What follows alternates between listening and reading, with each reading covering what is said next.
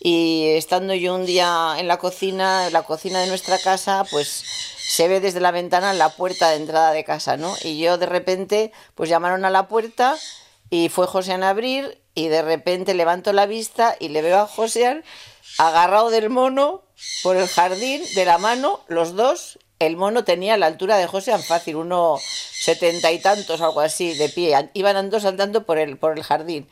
Y yo casi me muero cuando de repente digo, pero ¿qué hace este hombre con un mono así?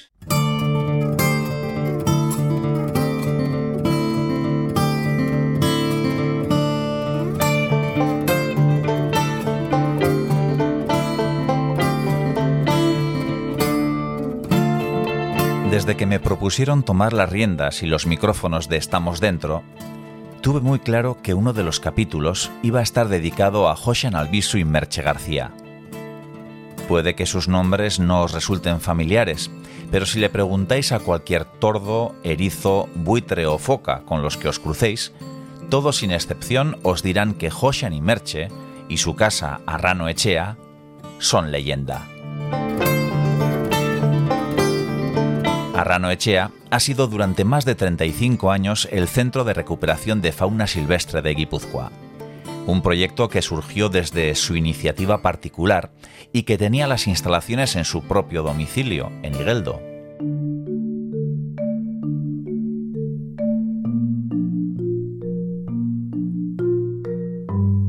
Después de todo este tiempo cuidando y sacando adelante todo tipo de animales, la Diputación Foral de Guipúzcoa ha abierto un nuevo centro en Urnieta y desde hace pocas semanas Joshan y Merchen no asumen ya esa labor. Pero desde Estamos Dentro no queremos que todo ese compromiso con la naturaleza quede en el olvido. Y aunque ellos no quieren ningún tipo de reconocimiento, sirva esta visita para agradecerles su desinteresada labor durante tantos años. Dentro de 400 metros, gira a la derecha hacia Hitividea visitamos a Rano Echea una soleada mañana de sábado. He tenido la tentación de subir caminando desde Donosti, pero el peso de los micrófonos, los soportes y la grabadora me han hecho cambiar de idea. Gira a la derecha hacia Hitividea. Luego tu destino estará a la derecha.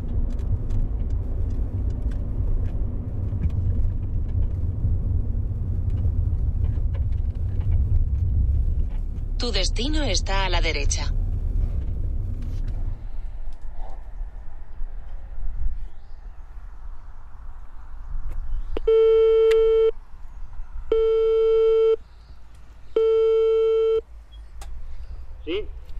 Sí, soy John de Estamos Dentro.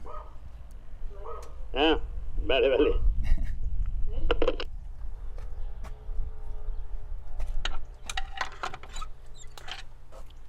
Caixo, José, me pongo la, la mascarilla.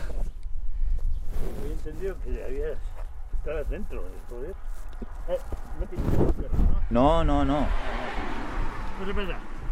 Al contrario. Me encantan los perros y. Pasa, pasa. A ver, hola tú, ¿qué pasa? vaya.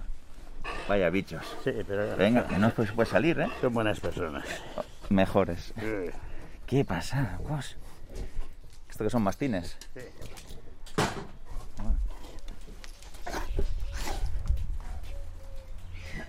Hemos dicho estamos dentro porque el programa se llama Estamos dentro, el Ah. podcast.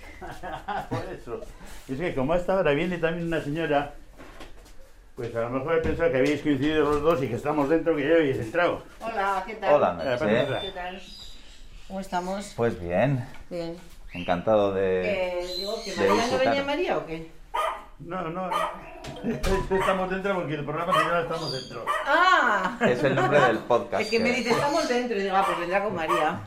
¿Qué tal? Pues bien. Bien. Solemos de hecho grabar también hasta la llegada a la casa y, y todo el timbre y sí, para que, bueno, pues Ah, se vea el, un poco Pero, el proceso. ¿qué haces? ¿Filmar? No, con No, no, eso, con audio, audio. Pasa, pasa. Vale. Hola. ¿Y estos quiénes son? Eh, estos son los habitantes internos de la casa. Pues la idea sería... Joshan y Merche me introducen en una sala dividida en dos espacios, uno muy amplio y acristalado. La sala está llena de recuerdos y muchos de ellos intuyo que tienen que ver con los animales que han pasado por Arrano Echea. Ay, qué rollo. ¿no? Josian y yo nos sentamos frente a frente en una gran mesa de comedor. Merche nos atiende desde un sofá que está a unos metros y que de hecho no consigo ver desde donde estoy ubicado. Menos mal. Que he traído cables de sobra. Vale, probamos a ver el volumen, Josan. A ver, Bien, a ver, a ver, a ver, a ver. perfecto. Vale, Esta es la distancia recomendable, ¿no? Entonces, sí, ahí está. Vale, Ahí está bien. vale. A los pájaros, aunque no estén a distancia, se les escucha Ah, perfectamente. ya. ¿Cuántos tenéis en, dentro de casa? Pájaros. Uf, no los hemos contado. Ni sabéis. No. Pero dentro de casa es que es muy variable, porque fíjate, el otro día nos trajeron este. Es un loro que está sin una sola pluma, pelado, metido en una jaula y abandonado en Zarauz en una, en una, una cosa de basura, plomo. La Abandonado. gente, ¿Cómo puede hacer esas cosas? Pues hace bien pocos días lo han hecho. Sí, sí. Yo es que Por eso no... te digo que ahora, pues hoy en día que tenemos en casa, pues 10 o 12 bichos, más o menos. ¿eh? Y estos, em, muchos se quedan aquí o, o porque son aves exóticas, No, ¿no? los que están dentro de casa son normalmente para que se queden aquí, ¿eh? Ujú. porque son especies exóticas, pues que se han perdido por ahí, que no ha aparecido el dueño, que nos los han donado, y entonces pues se quedan a, vivi- a vivir con nosotros, no se pueden soltar. ¿eh? Vale. Bueno, ¿empezamos, Merche? Sí, Vale. Pues aquí estamos en Arrano Echea, en Igueldo, con Josan Albisu y Merche García y, y como pueden apreciar nuestros oyentes con muchos invitados, porque esta es una casa eh, que ha tenido las puertas abiertas ¿no? para todo animal que estuviera pasando un mal momento o, o todo animal que estuviera siendo traficado, que de esos también habéis tenido. Josean, 35 años de trayectoria cuidando de todos esos animales y salvando quién sabe cuántos animales. ¿Tenéis un censo? Pues sí, sí, tenemos un censo, hacemos anualmente un, un censo de todos los animales que entran y, entonces pues ahí viene explicada pues toda su, su pequeña historia, ¿no? Cuando ingresaron, por qué ingresaron y qué ha sucedido con ellos, ¿no? ¿Eh? Casi todos, un 60% eh, más o menos es la, la estadística que es índices de recuperación de los animales que vienen aquí. Y luego, pues eso, hay un 30-40% que desgraciadamente pues han venido en unas condiciones tales que se han muerto. ¿eh? Y eso es lo que hay. Esto surge del impulso y del amor por los animales de Hoshan, pero Merche, aquí sois un equipo y evidentemente tú has arrimado el hombro como la que más y, sin tener del todo esa pasión, al menos en un, en un principio, ¿no? Bueno, a mí fundamentalmente me gustaban los perros y los gatos. Ese era mi, gran amor en esta vida. Pero pasa que luego, pues Josean, como vamos, le, le encanta la naturaleza en general y los animales en general, pues esto nos vino dado y luego, pues bueno, pues eh, vas cogiendo, les vas cogiendo cariño, vas metiéndote en el tema, entonces, pues bueno, poco a poco, pues vas entrando en todo esto, ¿no? Y al final, pues bueno, también te acaba gustando. Hoshan, tú de profesión, médico, Sí. pediatra, ¿sí? Y esa pasión por los animales, eh, bueno, los conocimientos médicos evidentemente ayudan, ¿no? Ayudan, ¿eh? pero la pasión por los animales pues, es- debe ser congénita, por lo que me contaban mis padres, congénita, porque ya desde que era yo bien pequeñito estaba siempre eh, cogiendo bichos y bueno, era... eh, Sí, sí, era una pasión, pues eso, prácticamente congénita. ¿no? Pero claro, eh, hablamos de hace 35 años cuando empezáis a recoger esos Sí, animales heridos, año 1987, Sí. y por suerte eh, las cosas han cambiado, pero la conciencia medioambiental que había entonces era mucho menor de la que hay ahora. Hombre, era tan menor que no había ninguna otra asociación que se dedicara a la que nosotros nos hemos dedicado. ¿eh? Es decir, nosotros cubrimos un, una falta de atención a la, a la fauna silvestre, pero vamos, de una manera clarísima, ¿no? Y eh, ¿Qué más me preguntabas? Sí, que, esa conciencia mm, no existía en la sociedad ah, en general tampoco. Eso, sí, sí, sí. Actualmente, desde luego, eh, la gente está mucho más concienciada, está mucho más... Hoy en día, una persona que nos entrega un bicho, luego hace un seguimiento de él prácticamente el 100% de los casos. ¿eh? Llama por teléfono, saber qué tal está, qué tal, si lo vamos a soltar, cómo está el tema. Y eso es. ¿Y cómo fueron esos primeros días, Merch, en el sentido de que Arranoechea es vuestra vivienda, es vuestra residencia, está casi tan con, con un terreno, y, y Merche, de repente empieza Josian a, aparecer con animales. ¿Cómo fue aquello?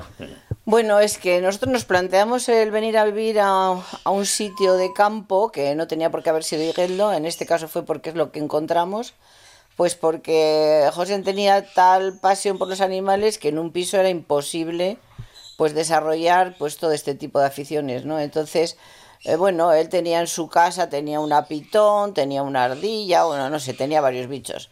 Y, aquí, bueno, pues su hermana vino a vivir a Igueldo, compraron aquí una casa, vimos que teníamos la posibilidad de poder intentar hacer algo parecido, empezamos a buscar y al final pues encontramos esta casa. ¿eh? Y entonces, bueno, sobre todo esta casa, en sí la casa no nos gustó nada, pero el terreno sí y la ubicación también, ¿no?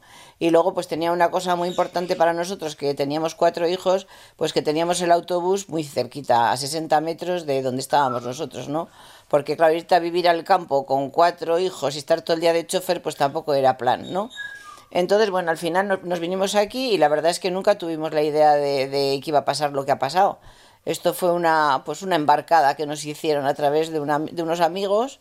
Y como conocían a Josian, que Josian pertenecía a la Sociedad de Ciencias Adanzadi, luego él es entomólogo también por afición, entomólogo me refiero, eh, pues eso, es, es un tema de, de, escarabajos y de mariposas y todo este tipo de animales, pues bueno, total, que como tenía mucha afición y tal, pues nos empezaron a, a dar pues eh, seis o no me acuerdo si eran seis, ocho águilas que tenía un amigo de él en su casa y que su, su mujer estaba hasta el gorro de estar limpiando cacas de bichos.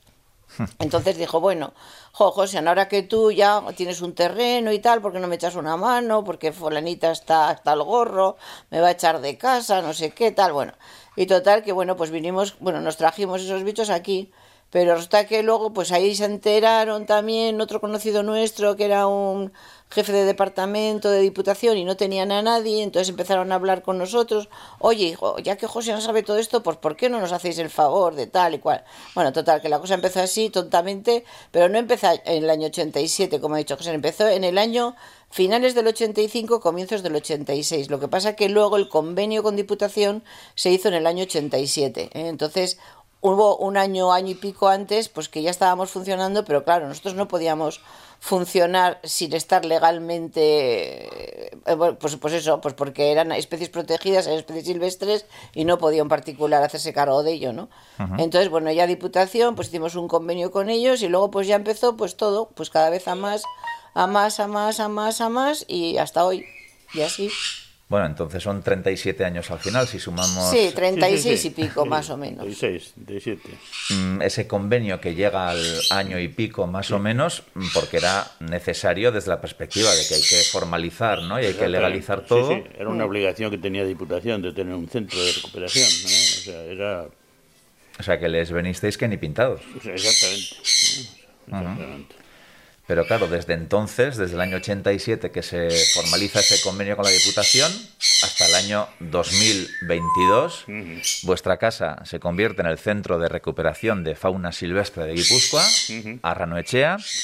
Y por aquí, claro, yo he leído, mm, no me has dado la cifra, pero he leído por ahí que han pasado entre 15.000 y 20.000 animales. Sí, sí. Sí, porque aquí ha venido todo tipo de animales, ¿eh? es decir, fundamentalmente son aves, ¿eh? pero aquí aves, mamíferos, reptiles ¿eh? y hasta peces. ¿eh? Nosotros aquí hemos atendido hasta, por ejemplo, un delfín. ¿eh? Parece una cosa rarísima, pero así ha sido, ¿no? bueno, y luego además también pues todo tipo de animales marinos también, ¿eh? no solamente terrestres, sino marinos. Que eso también hay que contar porque ha habido pues eso, desde gaviotas, pues urías, cormoranes, alcatraces, pues de todo, o sea, todo lo que, lo que ha venido por aquí, hasta las famosas focas, que estuvimos bastantes años también atendiendo focas, o sea, te quiero decir que, que no solamente es la fauna terrestre, sino también la marítima, ¿eh? Joshan, que la medicina, ¿no? Los conocimientos médicos ayudan, pero entre una foca y un bebé, me imagino que alguna diferencia hay. Sí, sí, sí, sí, sí, sí, Nosotros tratamos con animales salvajes, ¿eh? En principio no tienen ningún parecido, casi con los humanos, ¿eh? Y por ejemplo, lo que hemos pasado aquí con la alimentación de las focas, aquí normalmente llegaban focas eh, jovencitas, de las que las focas tienen una fase, cuando nacen, hacen el primer cambio de pelaje ¿eh? y entonces ya hacen la fase de dispersión, es decir, de los, de los centros de cría de focas, todos los jóvenes se escapan del centro ¿eh? Y entonces, pues si eso coincide con algún temporal del norte, pues es bastante frecuente que a nuestras costas lleguen focas, ¿eh?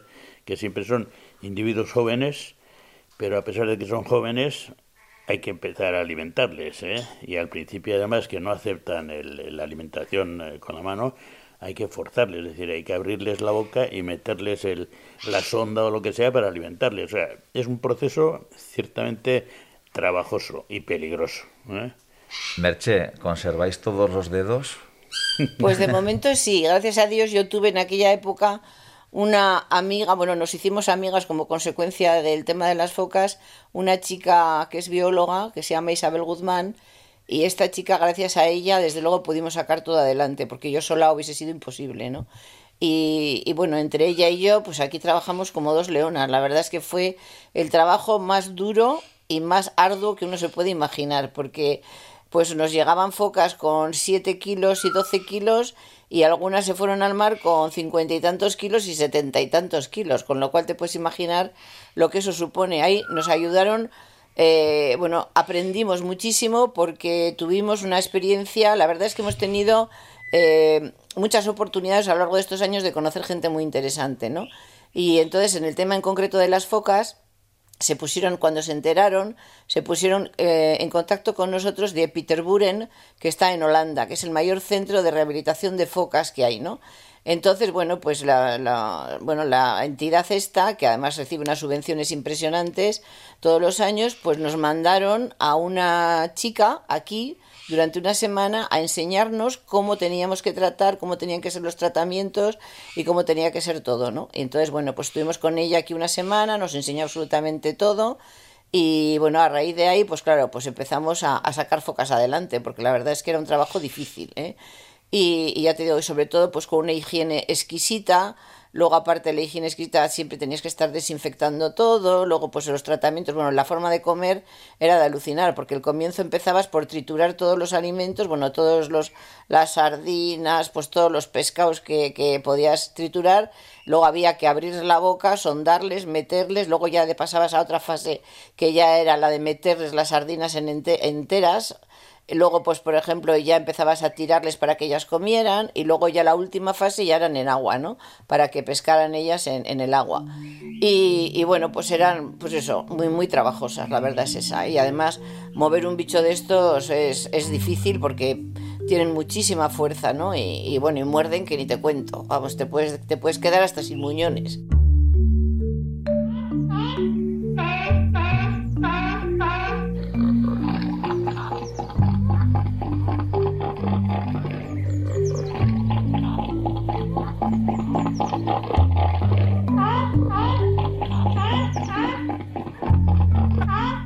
Algún vínculo? Entiendo que son animales salvajes, eh, pero no sé si habéis percibido casos que realmente son conscientes de que les estáis ayudando. Pues la mayoría de los animales son conscientes de que les ayudas. O sea, te quiero decir, la mayoría de ellos pues, hemos tenido de todo Hombre, hay animales que son como más expresivos o más empáticos ¿no? que otros, pero en general los animales agradecen no solamente que tú les alimentes, sino también que los tengas muy limpios. O sea, porque yo he comprobado que cada vez que les cambias, pues una, pues no sé, una, un papel o les pones una caja nueva o les pones un, un sitio más gozo, digamos, pues lo agradecen muchísimo. Es decir, la higiene para ellos es fundamental también. Es como a nosotros, y entre que nos tengan en un sitio todo sucio, a que nos pongan todos limpitos y tal, pues lo agradeces, ¿no? Pues a los animales les pasa lo mismo. Hay especies que tienen una especial tendencia a ser impregnadas por la especie humana, ¿eh? Por ejemplo, los corzos, que vienen aquí cuando son cachorritos, que les alimentamos con biberón, pues eh, adquieren tal, eh, tal relación con, con, la especie humana que luego lo imposibilitan que sean liberados en la naturaleza. Y eso es un gran inconveniente. ¿eh? No todas las especies pasa eso. Por ejemplo, las focas no existía ese tipo de problema, no había impregnación humana, pero concretamente con los cortos sí. Claro, hay que conseguir un equilibrio entre ayudarles y que no, no dependan tanto de nosotros, ¿no? Bueno, yo creo que en, toda mi experiencia, que ha sido mucha, sobre todo en ese tipo de temas, que han sido los que me han tocado a mí, eh, realmente los que más han impregnado son los corzos, ¿eh? porque el resto, nosotros por ejemplo, con los zorros, por ejemplo, que también hemos tenido zorros de biberón, tú les das la fase de biberón, pero luego los apartas de tu entorno los dejas solos, los, los alejas del ser humano, empiezas a alimentarlos simplemente dejándoles la comida y bueno, siguen siendo como, vamos, te quiero decir que son perfectamente adaptables a la naturaleza, no tienen ningún problema. ¿eh? Estamos hablando de, especies silvestres, salvajes, pero también nos ha tocado tratar animales, cuidar animales de, comisos, ¿no? De, especies exóticas o protegidas. que eso también a veces cuesta entender, ¿no? Cuando vemos en las noticias eh, cómo trafican con esos animales, cómo los llevan, cómo los tienen, cuántos mueren ¿no? en, ese tránsito. ¿Qué es lo más llamativo que os ha llegado? Efectivamente, hombre, lo más llamativo, yo siempre me acuerdo de una vez que decomisaron en la frontera un cargamento de 50 loros grises, que luego al cabo de los días resultó que tenían la documentación adecuada y fueron devueltos otra vez a, a su dueño. Esa es quizás la más espectacular, porque de repente te llegan aquí 50 loros que te comen al día un saco de pipas. ¿eh? Es decir, que eso te altera absolutamente todo tu, tu sistema de alimentación habitual. ¿eh? Bueno, pero hemos tenido decomisaciones también importantes, pues por ejemplo monos, ¿eh? eh titís, por ejemplo, eh, bonitos, que son unos bonitos pequeñitos, tití pigmeo, que le llaman es pequeñito, pequeñito, Hemos tenido, me acuerdo también, una nidada de cernícalos, creo que era, eh, pero que eran como seis o ocho cernícalos también, pues, súper pequeños, vamos, casi casi enanos, pero salieron todos adelante. Y hemos tenido pues varias decomisaciones de bueno, tortugas por supuesto de tierra, pues las típicas que pasan por la frontera. Y bueno, pues hemos tenido mucho tipo de animales, ya te digo, monos también hemos tenido varios, o sea que ha habido un poco de todo, ¿no? Hemos hablado de ese vínculo de los animales para con los humanos, pero también ha tenido que darse el vínculo en el sentido mm, contrario, ¿no? Animales con los que habéis sentido una especial conexión, cariño, eh, y que me imagino que evidentemente tienen que estar en el ámbito salvaje, natural, en su entorno, pero supongo que un poquito de pena tiene que dar, ¿no? Cuando se van. Hombre, pues sí, pero vamos, en principio procuramos que ese tipo de vínculo, si va a ser una especie que va a ser luego liberada, procuramos que ese vínculo no exista. ¿eh? eh procuramos no, que no exista el vínculo ese. ¿eh? Merche, no sé si ese era tu trabajo, que por lo que he oído eres psicóloga clínica. Ah, sí, sí, sí, así es. Así es, sí, pero para mí era más complicado que para Josean, porque a mí me tocaban los bebés, todos los bebés. Entonces, claro, es más difícil, eh, es más difícil no poner sentimientos o por, por, lo menos poner los menos sentimientos posibles, ¿no? Porque sabes que luego son animales que los tienes que devolver a la naturaleza y evidentemente el día que los sueltas, pues es un sentimiento contradictorio. Por un lado, pues te da como agobio, ¿no? El que los has estado cuidando, que si se empiezas a pensar, pues no sale el espíritu maternal, ¿no? Ya se defenderá, ya no se defenderá, tal. Pero luego, por otro lado, el proporcionar la libertad, pues también es una satisfacción enorme, ¿no? Que porque en definitiva en cautividad no pintan nada, o sea, lo que tienes que hacer es devolverles a la naturaleza, que es, es su medio. Entonces, bueno, hay sentimientos encontrados ahí, ¿no? Decía Hoshan antes, ¿no? Un porcentaje en torno al 60% de poder sacar adelante esos animales.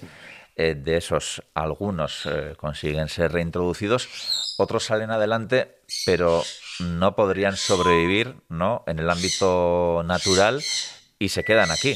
Claro. Sí, son lo que nosotros llamamos los, irrecuperables, ¿eh?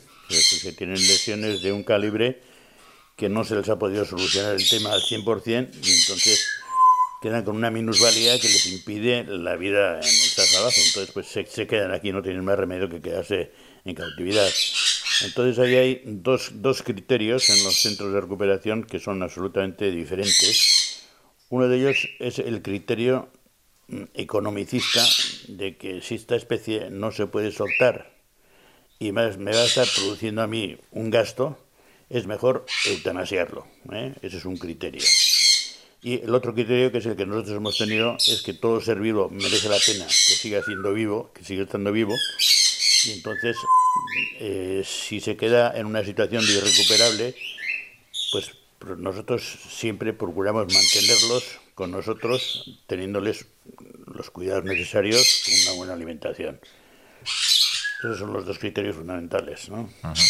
Y ese criterio se puede ampliar si, si los organismos oficiales quisieran y, o quieran en utilizar este tipo de animales en una labor maravillosa que es la educación medioambiental. ¿eh? Yo, vamos, siempre he sido partidaria de que con los animales que no se pueden recuperar, pues que se les dé una buena calidad de vida, pero al mismo tiempo que también puedan servir, digamos, para una labor didáctica, ¿no? Que las icastolas, pues, o, o los colegios, pues puedan puedan verlos, puedan saber qué ha pasado, puedan ah, saber qué tipo de animales son, qué función cumplen en la naturaleza y que desde la infancia, desde, desde abajo del todo del ser humano, empecemos a, educar ¿eh? en lo que supone los animales, lo que supone la naturaleza, lo que supone la conservación de la naturaleza y la función que desempeñan los animales en la naturaleza, ¿no? Creo que eso sería muy, muy, muy importante, mucho más importante que tener un centro de recuperación. Pero eso hace falta pues que, se quiera hacer, simplemente, ¿no? Que haya voluntad para hacerlo. Bueno, es un gasto que se puede entender como una inversión también. Exactamente. ¿eh? Al final en, concienciación, en educación. Exactamente, exactamente, en educación, ¿no?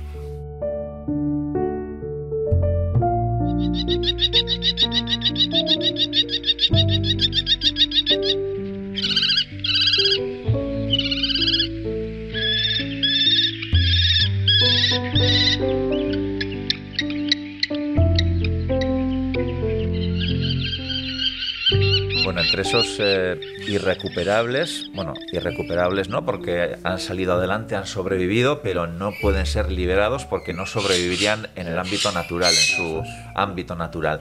Eh, aquí eh, tendréis, supongo, algún ocupa, entre comillas, dicho con todo el cariño, que seguro que lleva mucho tiempo. Pues sí, es inevitable. De esta manera, las especies que son irrecuperables tienen comparado con las, con las otras, con las recuperables, tiene una mortalidad muy elevada. ¿eh? Por lo tanto, una especie recuperable porque tiene eh, una fractura de ala, pues eh, la vida de ese animal, por mucho que te cuides, que cuides su alimentación y su estancia, tiene, tiene una mortalidad más elevada. ¿no? Entonces, nosotros en todos estos años no tenemos ninguna acumulación de irrecuperables como se podría pensar, ¿no? Que tendríamos un, un depósito de irrecuperables grande. Pues no, no ciertamente eh, en el día de hoy, ¿cuántos tenemos irrecuperables, Merche? Pues muy pocos, la verdad que tendremos como rapaces como unas nueve o algo así, más o menos. ¿eh? En 30 años, pues no, no es una cifra demasiado grande, ¿no? Claro, la gente puede pensar, uy, qué bonito, ¿no? Cuidar animales, verlos eh, como, como, salen adelante, pero esto es un trabajo de 24 horas al día, 365 días al año. Exactamente. Exactamente. Que lo habéis hecho de mil amores, pero ha supuesto también un sacrificio muy importante. Sin duda ninguna, sin duda ninguna. El ¿eh? sacrificio no solamente de las 24 horas del día, sino que el, tener este trabajo pues nos ha impedido, por ejemplo, pues, hacer eh, una vida eh, normal, en el sentido de que hubiéramos podido viajar muchísimo más, que no lo podemos hacer, por ejemplo porque tenemos aquí un, un, tingla, unos ingresos de animales que, tiene que haber forzosamente personas que los tengan que cuidar, ¿no? En fin, sí, sí, ha supuesto un trabajo en ciertos momentos bastante, bastante duro. ¿eh? Eh, hay que pensar también que aquí la gente conocía este centro y mm, os traían animales que se encontraban por ahí. De hecho, he de confesar que yo os he traído alguno. A partir de ahora, ¿habrá que remitirles a Urnieta? A partir de ahora hay que ponerse en contacto con Diputación los que nosotros nos llegan aquí ya los estamos encarrilando ¿eh? hacia Urnieta y pues llamar a Diputación, hay que llamar a Diputación, ¿eh? el teléfono que tiene de atención al público y, explicar el tema que sea para que lo solucionen ellos. ¿eh?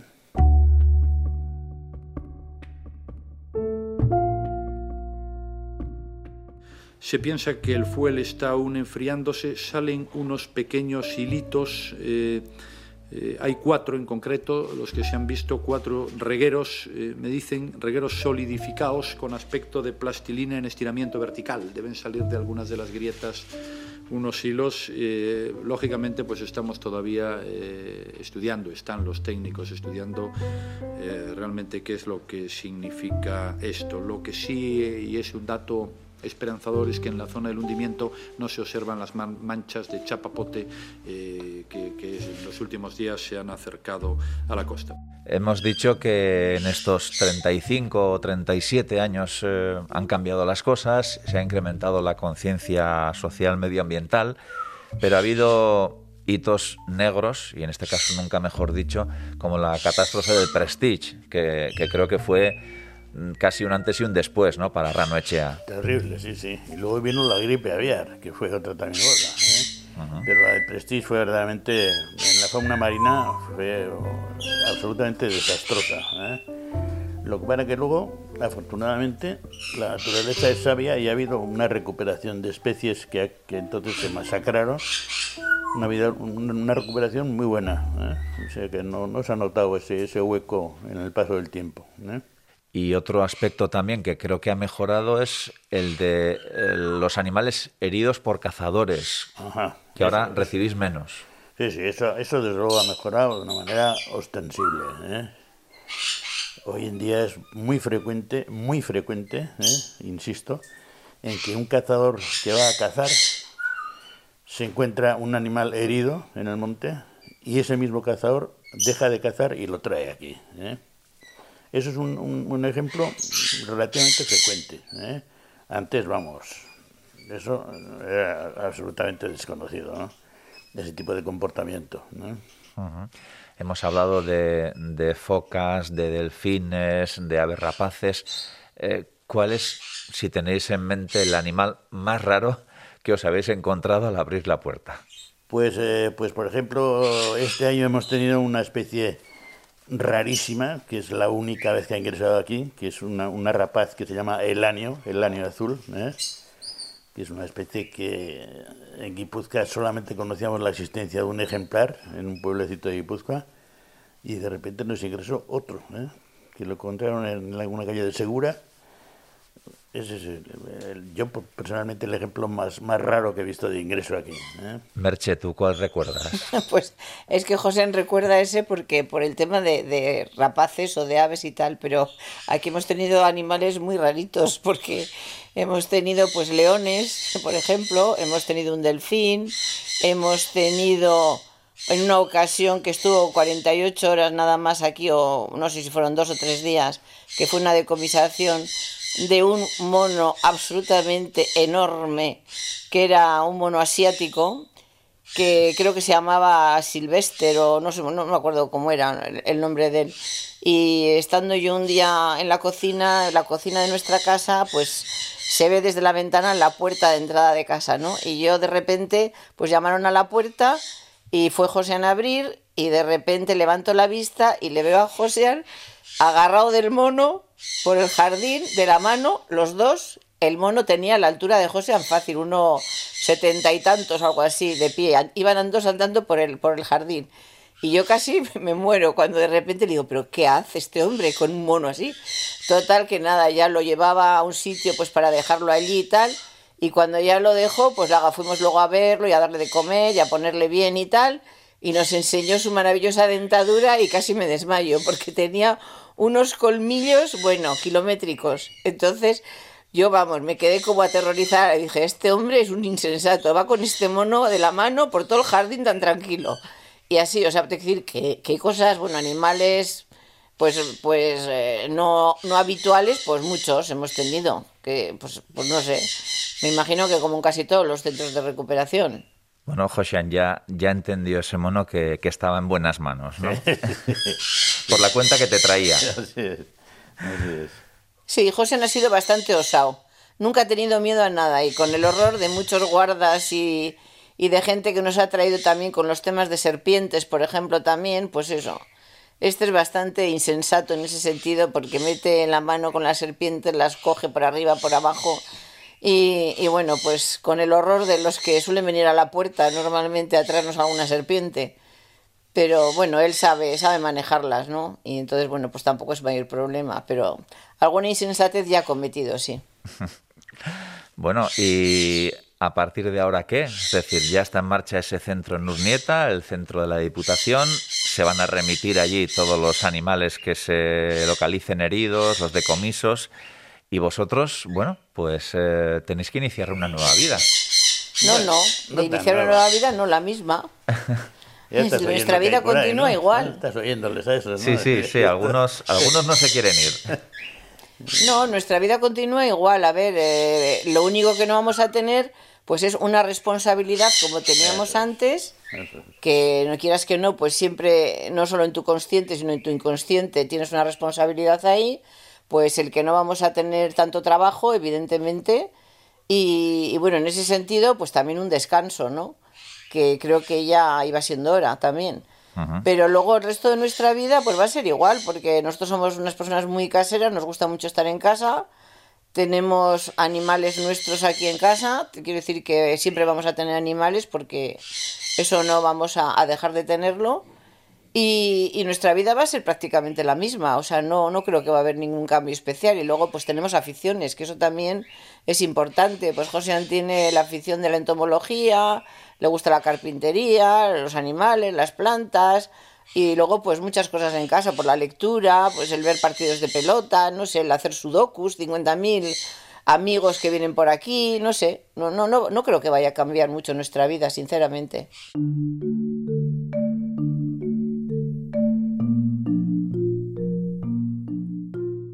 Rockefeller is a name that resonates throughout American history. David Rockefeller is the standard bearer of this family and this tradition. But whether he is addressing the King of Spain or a fellow beetle collector he meets by chance, he treats everyone with exactly the same impeccable courtesy and respect. ¿Cuántos grados de separación puede haber entre Bill Clinton y Hoshan Albisu? ¿Y entre el multimillonario y filántropo David Rockefeller y Arrano Echea? Pues ese audio que acabamos de escuchar hace que salte por los aires la teoría de los seis grados de separación. Escuchábamos a Bill Clinton cuando era presidente de los Estados Unidos en el discurso de la ceremonia de entrega a David Rockefeller de la Medalla Presidencial de la Libertad. En este fragmento de su discurso, Clinton habló de un colega de Rockefeller, coleccionista de escarabajos, que éste conoció por casualidad. Pues ahí es nada, estaba hablando de nuestro Hoshan Albisu. Decía Merche, ¿no? Esa, esa afición por la entomología y una colección, Hoshan, que, que es digna de ver. Bueno, a mí, me- a ella me gusta, sí. ¿Qué es lo que tienes? Es la, la segunda colección que tenga, porque la, la anterior se la llevó, ya conocerás la historia de Rockefeller, ¿eh? se la llevó la colección. David Cuéntanos, Rockefeller. cuéntanos. Eh, no, eso hizo, Merche lo cuenta, pues fenomenal. pues que la colección que tenía Josean, pues bueno, pues hicimos amistad con David Rockefeller porque también tenía la misma afición, entonces pues nos hicimos amigos de él y al final pues la colección nuestra pues está en este momento en Harvard. ¿eh? Eh, este señor ya falleció y entonces él había hecho una fundación y había donado un montonazo de, dólares a Harvard para la conservación también de su colección y entonces la colección de José y la de él están allí en estos momentos. O sea, decir que eso, bueno, pues, pues eso fue una historia, pues la verdad es que muy curiosa, eh, la manera de conocernos también fue muy curiosa y al final pues nos hicimos muy amigos hemos estado hasta, desde que nos conocimos hasta que se murió, pues con mucha relación.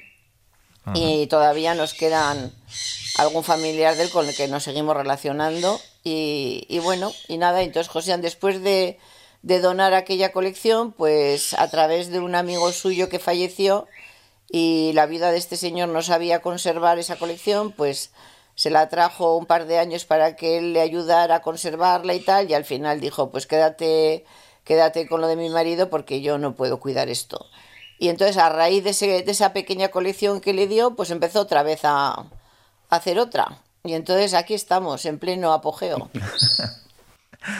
Bueno, yo tenía muchas ganas de, de venir a Rano Echea y venir con las manos vacías, entre comillas, sin un animal, aunque con unos cuantos micrófonos, porque me parece tan maravillosa vuestra historia, me parece tan impresionante la labor que habéis realizado. Me parece que ha tenido tan poco reconocimiento que al menos mm, queríamos aportar nuestro granito de arena desde Estamos Dentro para que se conociera esa labor, para que se pusiera en valor e incluso, qué sé yo, para que llegara algún reconocimiento institucional, porque ya Ay, sé... no, no, no, no, no, por favor, eso sí que no, ¿eh? Te lo pido, por favor, ni lo pidas, ni absolutamente lo... Vamos, eso no queremos nada. Mira, lo único que hemos pretendido en todo esto, primero, no queremos que nadie nos agradezca nada porque lo hemos hecho encantados de la vida, empezando ya por ahí, y lo hemos hecho porque hemos querido, ¿eh? Pero es que aparte de ese tema, yo lo único que he pedido, lo único que he pedido es que hicieran un centro de recuperación que funcionara decentemente, nada más que eso. No queremos ni medallas, ni homenajes, ni comidas, ni, ni cuadritos, ni nada de nada, de nada, de nada. Nos sentimos lo suficientemente compensados ya con lo que hemos hecho, estamos contentos con lo que hemos hecho con nosotros mismos. Hemos tenido fallos, evidentemente, ha habido situaciones que a lo mejor no hemos sabido resolver, como en todas las profesiones, ha habido fracasos, pero también ha habido muchos éxitos, ¿no? Y entonces, bueno, pues con, la satisfacción del deber cumplido, simplemente yo con eso me quedo, no quiero nada más. ¿eh? Y que ahora, a partir de ahora, pues ojalá funcione bien lo que han creado y, y bueno, pues no sé, a esperar a ver qué es lo que pasa. ¿eh? Yo creo que el reconocimiento de los animales, ese lo tenéis. Sí. Sí, sí, eso sí. Yo tengo una amiga que siempre me suele decir, el día que te mueras, eh, en el otro mundo estarán un montón de bichos aplaudiéndote. Siempre me dice, nunca me dice de personas, siempre me dice, habrá un montón de bichos aplaudiéndote. Digo, bueno, pues para mí encantada de la vida hacer ese desfile. Sin duda, Mm, mirad, si tengo yo ese sentimiento que cuando he traído algún mirlo así con el ala rota o alguna cría, cuando me cruzo tiempo después con un mirlo, pienso que es ese que me está agradeciendo el, el cable que le eché. Pues no, no tenéis vosotros pocos que os tengan que agradecer algo. ¿no? Muchos, muchos. De eso sí que tenemos mucho, mira, de eso sí. ¿eh? Y yo no sé, no- yo creo que tanto José como yo en ese aspecto pues estamos muy contentos, o sea, no no sé, estamos contentos con lo que ha sido nuestra vida en general, ¿no? Hasta la fecha, hasta hoy. Porque hemos tenido, pues creo que hemos sido unas personas muy afortunadas, ¿no? De habernos encontrado los dos como pareja en esta vida, de tener los hijos que tenemos, de tener los amigos que tenemos, de tener la casa que tenemos, de las aficiones que tenemos y de haber tenido, evidentemente, hasta la fecha, haber tenido mucha salud también, que eso es lo más importante, ¿no? A partir de ahora, no sé lo que vendrá, pero hasta la fecha ha sido así. Entonces, pues estamos muy agradecidos a la vida y de haber también podido contribuir un poco, pues de una manera, digamos, desinteresada, pues a que, no sé, pues a que la vida funcione un poco mejor, a poder ser, ¿no? Y entonces nos gustaría que si todo el mundo pusiera un pequeño granito de arena en alguna labor, pues de, de, de dedicación a los demás, tanto sea animales como personas o como, como el entorno, pues creo que el mundo funcionaría muchísimo mejor, ¿eh? Y sería mucho más agradable vivir en él y no estar viviendo con los temas que llevamos ya varios años con esa especie de depresión colectiva que tenemos encima de nuestras cabezas, ¿no? Entonces, bueno, pues, pues ese es el tema, ¿no? Estar contentos con lo que uno haga y, y ya está. Y no hay más. Yo reconocimientos no quiero ninguno, sinceramente. Además, eso ya lo saben perfectamente. En la, en, en la Diputación de Guipúzcoa saben muy bien que no queremos nada de eso. Está todo muy hablado ya. Bueno, Hombre, eh, lo que sí nos sí. gustaría, lo que sí nos gustaría es que de aquí en adelante las personas que entreguen un animal al centro de recuperación que venga a continuación le hagan un seguimiento. ¿eh? Eso es muy importante. ¿eh? De la misma manera que a nosotros nos han hecho seguimiento prácticamente de todos los animales que nos han traído, ¿eh? nos han llamado por teléfono, qué tal está, qué tal, que lo sigan haciendo, porque eso es muy importante. ¿eh? No solamente eso va a servir de estímulo para los que se les están cuidando, sino que además siempre es interesante que exista ese, ese control. ¿eh? José Albisu, Merche García, eh, reconocimiento institucional no, pero el mío y el de todas esas personas que aman a los animales lo tenéis y por ello pues queríamos eh, venir aquí a Rano Echea en este momento en el que ya se ha dado esa transición al centro oficial de la propia Diputación en Urnieta y, y, que seguiremos en contacto y cada vez que veamos un animal herido lo llevaremos a Urnieta pero nos acordaremos de, de vosotros dos. Es que ricasco por bueno, todo lo que habéis hecho. Eso es Gracias. Cuando abandonaba a Rano Echea ha llegado el cartero traía una carta dirigida a Hoshan y Merche.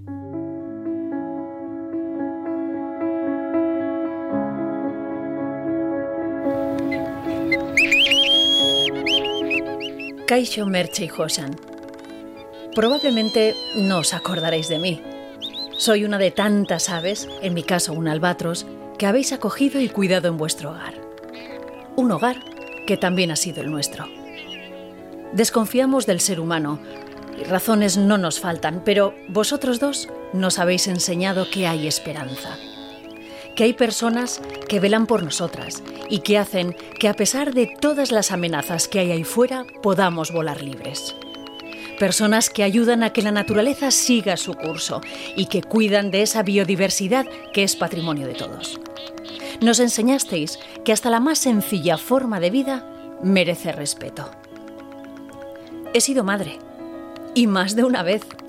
Mis polluelos echaron a volar, como todos los polluelos, con una mezcla de ilusión e incertidumbre. Pero sabiendo que si les pasa algo, tenían un par de amigos en Igueldo que les ayudarían en lo que necesitaran. Y vuelan. Y volamos. Muchos. Gracias a vosotros. Y en esos vuelos os llevamos en nuestro corazón. Es que ricasco Joshan y Merche.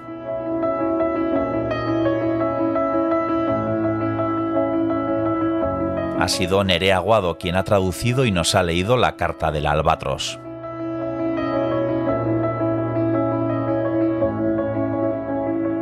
Muchas gracias por acompañarnos en esta experiencia inmersiva en las casas de nuestros anfitriones que desde Ulu Media producimos para EITV Podcast. Si queréis seguir acompañándonos en próximos capítulos, os invitamos a que os suscribáis a Estamos Dentro en EITV Podcast o en vuestra plataforma de audio favorita. Invitaros también a que hagáis lo propio con Barruan Gaudé, realizado en euskera con la misma filosofía por nuestro compañero Oyer Aranzábal. Un saludo de John Martija y hasta la próxima visita.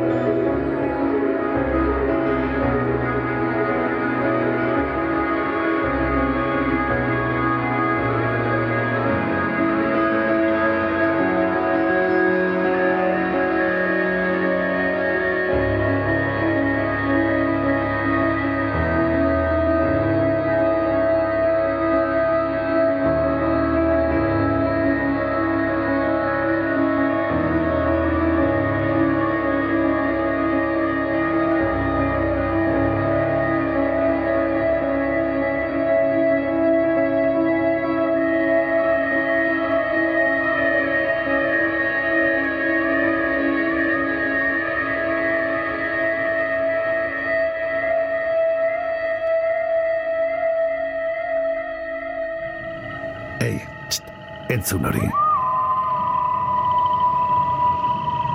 Ulu Media.